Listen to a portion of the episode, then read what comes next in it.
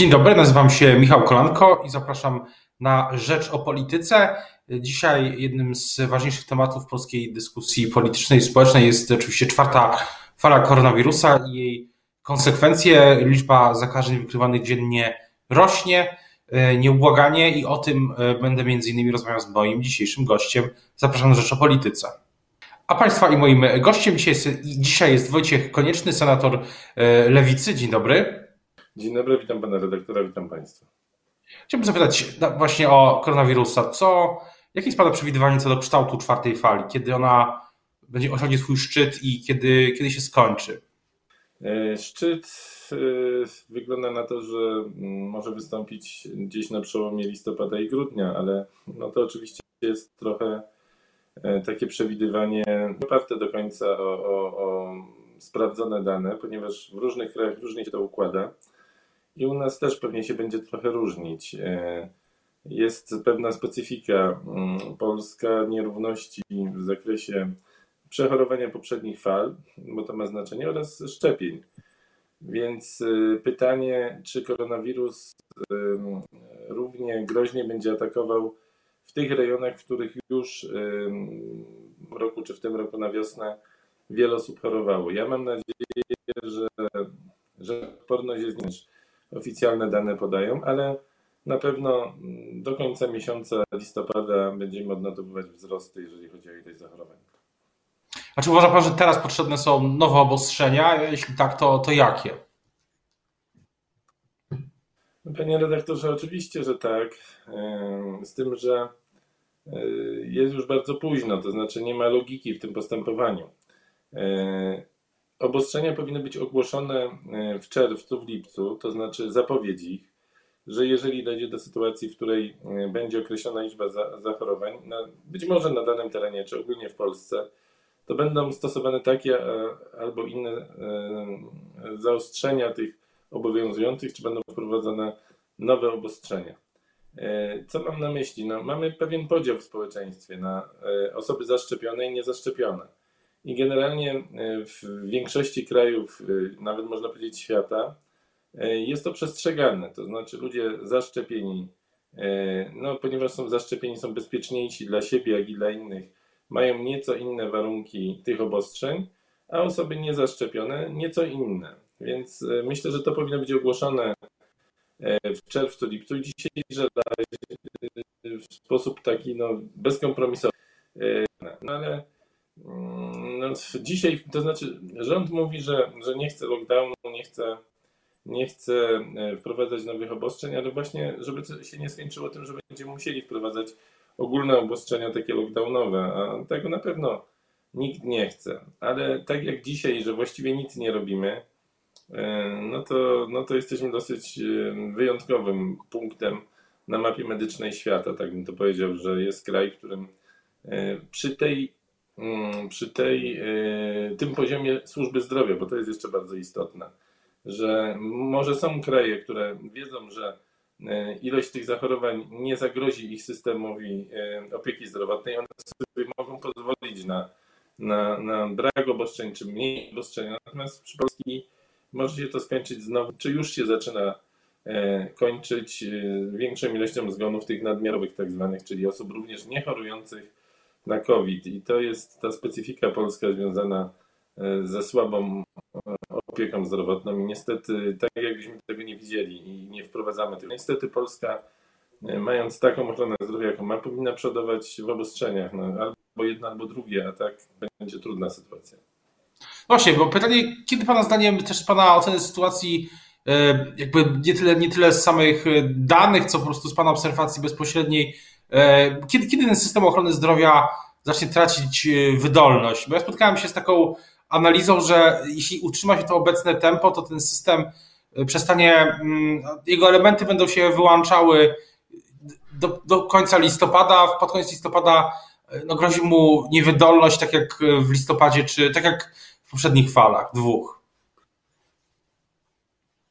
Znaczy, panie redaktorze, to się już zaczyna, dlatego że E, jeśli e, przekształcamy oddziały szpitalne, te normalne, w covidowe, to zaczynamy właśnie tworzyć niewydolność systemu. W przypadku szpitala, w którym pracuję, 9 listopada będzie przekształcony oddział chorób płuc, gruźlicy i chorób płuc. W związku z tym pacjenci, którzy są obsługiwani przez ten oddział na dużym terenie tutaj województwa śląskiego, no stracą możliwość leczenia i podejrzewam, że w wielu szpitalach zamieniane są właśnie te oddziały tak zwane płucne, ponieważ no, to jest, COVID jest generalnie chorobą płuc i w większości przypadków. I płucnicy tak zwani, no, czyli lekarze specjaliści e, gruźlicy chorób płuc najlepiej sobie radzą z tą chorobą, plus te oddziały są w miarę dostosowane, bo one e, po prostu są przeważnie umieszczone w e, osobnych pawilonach, mają filtry, mają izolatki, mają różne rzeczy, co przypomina oddział zakaźny, więc dosyć logiczne jest, że tam się umieszcza pacjentów z COVID-em, ale to jest pierwszy etap. Drugi etap pewnie będą inne oddziały. Plus jeszcze w tym moim szpitalu z ośmiu łóżek intensywnej terapii cztery mają być przeznaczone dla pacjentów covidowych. A to oznacza już zmniejszenie ilości operacji, no, zaangażowanie personelu anestezjologicznego itd., tak itd. Tak Więc owszem, to jeszcze nie jest y, to, co było w zeszłym roku, czy, czy w tym roku na wiosnę, ale y, niestety dla pacjentów y, zaczynają się utrudnienia. I teraz no zależy jak to ocenimy, czy te utrudnienia są duże, małe. Dla tych, którzy chorują y, na płuca, no to oni to odczują jako duże mm, pogorszenie możliwości leczenia. No dla tych, którzy, nie wiem, tam leczą się na inne choroby, no to na razie tego nie zauważą i tak to będzie przebiegać przez pewien Y, jeżeli znowu przestawimy cały system opieki, mieliśmy y, w zakresie mm, tych nadmiarowych zgonów, to się powtórzy i to będzie no, kolejna porażka naszego systemu, no ale y, no tutaj rząd ma ograniczone możliwości, bo trzeba to powiedzieć, no ale nawet z tych ograniczonych możliwości nie w pełni korzysta. Uważa Pan, że te, ta strategia rządu, którą Pan też opisywał, którą też wielu ekspertów, analityków zauważa, ona też ma jakiś podtekst y, Pana zdaniem polityczny, czy uważa Pan, że to jest polityka? No, panie redaktorze, no trudno myśleć inaczej. No, jeżeli naprawdę e, wszystkie kraje no, wprowadzają jakieś sankcje dla osób niezaszczepionych, no, one nie są jakieś ciężkie, one nie są wcale łamiące ich prawa i tak dalej, jak to się u nas opisuje. No ale rząd odpowiada, znaczy tak, trzeba wyjść z takiego e, e, najważniejszego punktu. Za epidemiczny odpowiada rząd. To jest ustawowo, to jest opisane, rząd ma e, wszystkie narzędzia, rząd ma ustawy, rząd ma instytucje, Rząd ma sanepid, rząd ma instytuty badawcze, rząd panuje nad szpitalami, e, panuje nad, panuje nad, nad e, możliwościami kontroli no, w, w środkach transportu, e, komunikacji, w kinach, teatrach, no wszędzie może, może interweniować, może wprowadzić przepisy, natomiast tego nie robi. Nie robi tego i to nie może być nie polityka, ponieważ wiadomo, że zalecenia lekarskie są takie, że powinniśmy reagować na sytuację, która się e, dzieje, a będziemy reagować w ten sposób, że będziemy ludzi przyjmować do szpitali. No to jest w Polsce zadanie e, ochrony zdrowia, zadanie specjalistów od epidemiologii, wirusologii. No, sprowadza się do tego, że mają obliczyć, ile oddziałów szpitalnych będzie potrzebnych za tydzień, za dwa, za trzy. No do tego się, a, a ci, którzy tam pracują, mają po prostu przestawić się na leczenie COVID-19. To jest cała, cała taktyka polskiego rządu. Więc jak najbardziej, no nie, tutaj już mamy kolejny dowód na to. Przecież nawet mm, minister Niedzielski zapowiadał mm, parę miesięcy czy tygodni temu, że jeżeli e, ilość zakażeń wzrośnie powyżej tysiąca dziennie, to trzeba będzie pomyśleć o nowych obostrzeniach. Wzrosła powyżej 10 tysięcy i mamy jakieś mgliste zapowiedzi ustawy, która pozwoli kontrolować pracodawcom, kto jest e, zaszczepiony, a kto nie, no to jest, e, to są takie listki figowe, a nie prawdziwe działanie, które, którego powinniśmy się spodziewać od polskiego rządu. Także ja uważam, że jest podejście polityczne polegające na tym, że no, trzeba dbać również o to, aby, aby notowania utrzymywały się na rozsądnym poziomie i nie drażnić elektoratu, który w przypadku jest najbardziej mm, sceptyczny wobec w ogóle epidemii, jak i szczepionek, jak i obostrzeń itd. Tak itd. Tak No właśnie, a pytanie co do, co do szczepień. Pamiętam, że w, w, tym roku rozmawialiśmy kilkukrotnie o programie szczepień. Mamy późną, późną jesień, listopad i ten wskaźnik się zatrzymał w zasadzie na e, poziomie 52%, jeśli chodzi o zaszczepienie pełną e, dwiema dawkami. I myślał Pan i wiosną, że tak, tak właśnie będzie? To było Pana, pana przewidywaniach co do tych e, wyników tego narodowego programu szczepień, który, dobrze pamiętam, no, wywoływał gigantyczne emocje polityczne, społeczne, już nie wspomnę, co się działo w styczniu e, tego roku. E, mija 10 miesięcy, 11 miesięcy i wydaje się, że sprawa jest na dziesiątym planie. No gdyby, panie redaktorze, gdyby nie wakacje i to, że inne kraje wymagały od nas e, certyfikatów szczepień, żeby móc gdzieś wyjechać, to sądzę, że jeszcze 10% mniej by było osób zaszczepionych, bo pewnie taki był efekt e, tych obostrzeń, nazwijmy to, czy wymagań innych krajów. Więc e, no, sytuacja, jeżeli chodzi o promocję szczepień, o przeprowadzenie tego narodowego programu, no, jest bardzo zła. Okazał się on klapą, okazał się takim, mm, takim życzeniowym myśleniem, że ludzie się po prostu będą szczepić, ale jednocześnie nie będziemy w żaden sposób do tego spoza Poza pracą mediów, pracą lekarzy, tym, że się wypowiadamy, tym, że mówimy, że szczepienia są potrzebne, że y, prowadzą do bezpieczeństwa i tak dalej, i tak no ale y, no tutaj nie mamy żadnych, żadnych działań takich jak na przykład Francja podejmowała latem, że ogłosiła, prawda, prezydent ogłosił, co się będzie działo mm, przy czwartej fali, kto bez certyfikatu nie będzie mógł wejść tu, nie będzie mógł wejść tam, nie będzie mógł korzystać z jakichś usług publicznych. No i ludzie biorąc to pod uwagę, tak jak w naszym przypadku, biorąc pod uwagę chęć wyjazdu za granicę, no tak y, zaczęli się szczepić. Przecież tam są wyszczepiania na poziomie 80 i więcej procent w tych krajach, 90 nawet. Więc y, naprawdę dało się to zrobić. To nie jest tak, że, y, że się nie dało, tylko że no, mówiąc uczciwie, y, y, politycznie nieco, no, mogło się to skończyć takim spadkiem poparcia w elektoracie Prawa i Sprawiedliwości, że nie, mógł, nie mogło sobie po prostu Ministerstwo Zdrowia na to pozwolić, e, żeby próbować wprowadzić takie obostrzenia. Wiemy, że nawet teraz ta, ta bardzo taka no, mało moim zdaniem istotna ustawa o tym, że pracodawca będzie wiedział, kto jest zaszczepiony, już wywołuje tarcia w koalicji rządowej, już ogromne protesty, że będzie się sięgać po głosy opozycji i tak dalej w tej sprawie, bo rząd sam nie może tego przegłosować, więc no, to świadczy o tym, że jednak mm, Narodowy Program Szczepień, bardzo szumnie zapowiadany, że będzie wielkim sukcesem. No, widzimy, jakim jest sukcesem dzisiaj w szpitalach i pewnie za tydzień, za dwa, za trzy ten sukces będziemy jeszcze bardziej, oczywiście w cudzysłowie, będziemy jeszcze bardziej e, mogli docenić e, jako, jako mm, szczególnie pracownicy ochrony zdrowia. No, niestety nie, poszły, nie, nie był to system zachęt nie był adekwatny do, do tej niechęci, która w społeczeństwie polskim niestety występuje wobec szczepień w pewnej części społeczeństwa.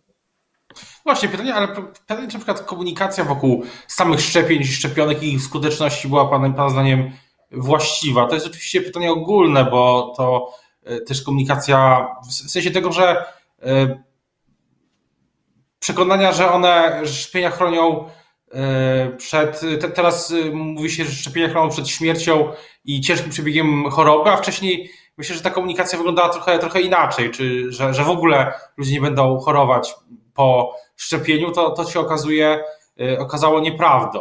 Czy, czy tu nie był jakiś błąd popełniony co do samego skuteczności tych, y, czym, czym są te szczepionki, czym są te liczby, te procenty, których tyle się mówiło właśnie wiosną?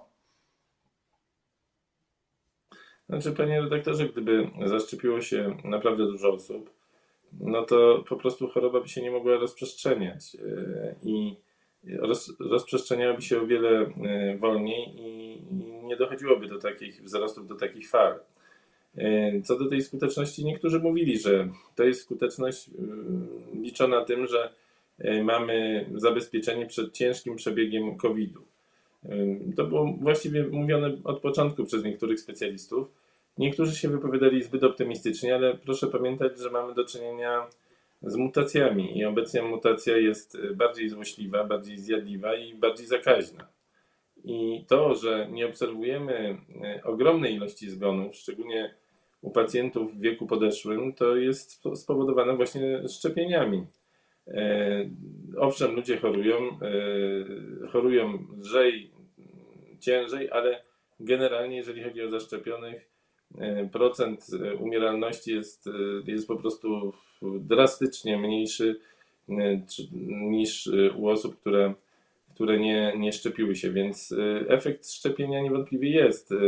Z tym, że tak jak mówię, walczymy dzisiaj z innym wirusem. Gdyby ten wirus się pojawił rok temu, no to można się spodziewać, że wielokrotnie więcej mielibyśmy, z dwa, trzy razy więcej niż obserwowaliśmy to wtedy, dlatego e, to się sytuacja zmienia, tak jak, jak to często w biologii występuje. Natomiast e, no nie ma innej metody walki. Na razie nie wynaleźliśmy skutecznego leku, że możemy na początku infekcji wziąć dwie tabletki i już po koronawirusie. No nie ma czegoś takiego. Jedyną metodą jest zaszczepić się.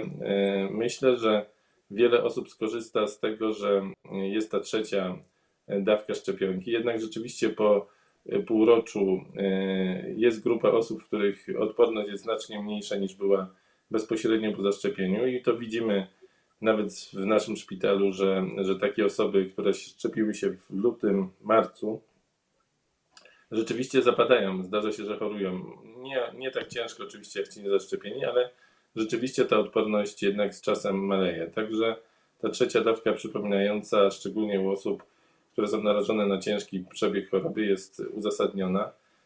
No i w ogóle dobrze by było, żeby się zaszczepili ci, którzy jeszcze nie podjęli tych szczepień, gdyż oczywiście jest bardzo późno, no ale jednak pierwsza dawka, druga dawka e, na przełomie listopada, grudnia można mówić, że, że te osoby mogłyby uzyskać odporność i być bezpieczne i też nie zarażać innych.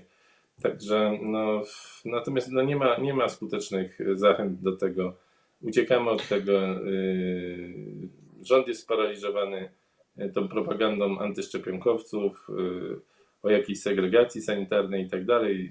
To jakby rząd w to uwierzył. No, no niestety na to wygląda, że może są jakieś badania, które są tajne opinii publicznej, które mówią o tym, że wprowadzenie obostrzeń skończy się klęską dla, dla obozu władzy. Może coś takiego jest i, i dlatego mm, aż tak duża ostrożność, no ale naprawdę mm, nie pora na to. No, pora znieść się ponad, y, ponad te polityczne interesy i popatrzeć jednak y, na sprawę naukowo, medycznie.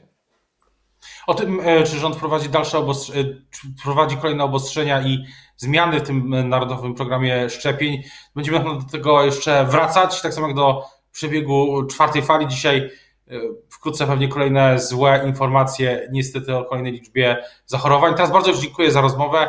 Państwa i moim gościem dzisiaj był Wojciech Konieczny, senator Nowej Lewicy. Dziękuję bardzo, do usłyszenia, do zobaczenia. Dziękuję bardzo, do zobaczenia.